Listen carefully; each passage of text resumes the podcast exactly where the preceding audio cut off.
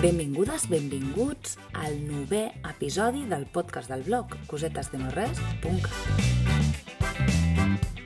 El 20 de novembre és un dia assenyalat per diferents raons, entre elles la commemoració de la Declaració dels Drets de l'Infant i de l'adopció de la Convenció dels Drets de l'Infant. L'any 2020 està marcat per la situació d'emergència sanitària per Covid i per les restriccions que aquesta ha comportat. En molts casos hem sentit i hem patit que les llibertats individuals es veiessin retallades i els drets vulnerats, també els drets dels infants. Per aquest motiu, doncs, recupero, actualitzo i poso veu a aquesta entrada. 20 de novembre, Dia Universal dels Drets dels Infants. Històricament, la infància ha estat una etapa menys tinguda, un tràmit a passar fins a arribar a l'edat adulta, moment en el qual s'adquirien els drets.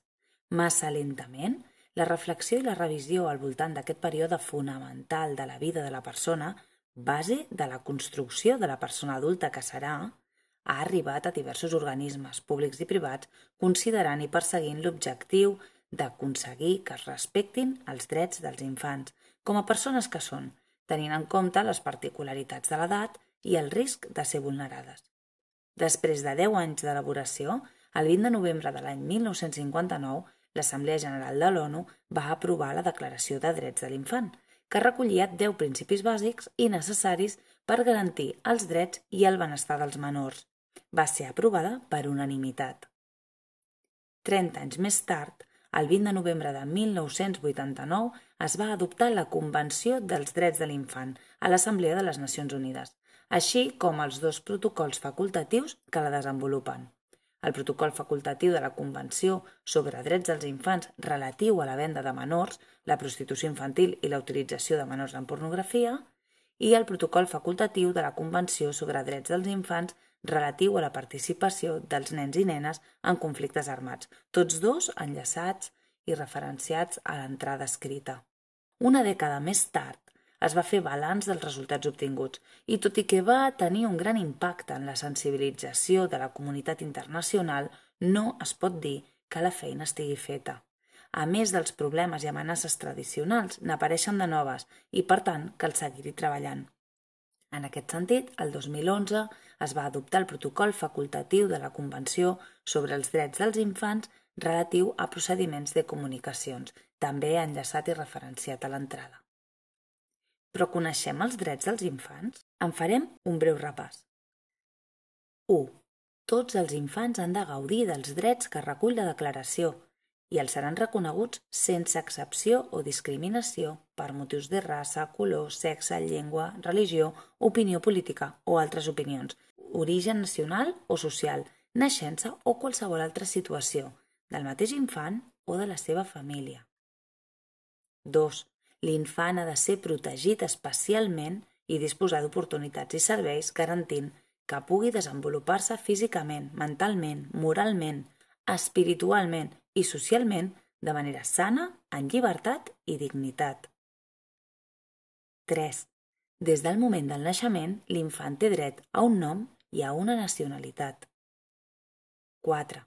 L'infant té dret als beneficis de la salutat social, a créixer i desenvolupar-se amb bona salut, rebent, tant ell com la mare, atencions especials prenatals i postnatals, a disposar d'alimentació, habitatge, esbarjo i serveis mèdics adequats. 5. L'atenció a la diversitat és un dret dels infants, rebent el tractament, l'educació i les atencions necessàries que reclama la particular situació de cadascú. 6. L'infant té dret a l'amor i a la comprensió, a créixer sempre que sigui possible amb la seva família, en un ambient d'afecte i de seguretat, moral i material. En aquest sentit, tret de situacions excepcionals, no serà separat de la seva mare en edats primerenques. La societat i les autoritats públiques han de tenir cura i garantir els drets dels infants sense família o amb manca de recursos per subsistir. 7. L'educació gratuïta i obligatòria, educació bàsica com a mínim, és un dret de l'infant. L'educació rebuda ha d'afavorir la seva cultura general i permetre-li, amb igualtat d'oportunitats, desenvolupar les seves aptituds, el seu criteri i la seva responsabilitat moral i social. L'interès superior de l'infant serà el principi que guiï a qui és responsable de la seva educació i orientació, una responsabilitat que pertoca, en primer lloc, als pares. El joc i l'esbarjo són drets de l'infant, que cal que siguin garantits per la societat i les autoritats públiques, promovent-ne la satisfacció. 8. L'infant ha de figurar entre els primers a rebre, en tota circumstància, protecció i socors. 9. És un dret de l'infant ser protegit de qualsevol forma de negligència, crueltat, explotació o tràfic. No es pot consentir que l'infant treballi abans d'una edat mínima adequada i no ha de fer cap tasca que sigui perjudicial per la seva salut i el seu desenvolupament físic, mental o moral. 10. L'infant té dret a protecció contra les pràctiques que puguin fomentar la discriminació racial, religiosa o de qualsevol altra mena i ha de ser educat d'acord amb aquests principis en el marc dels drets humans.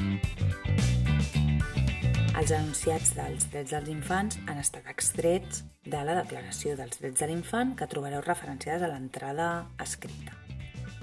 Ja és divendres. Bon cap de setmana.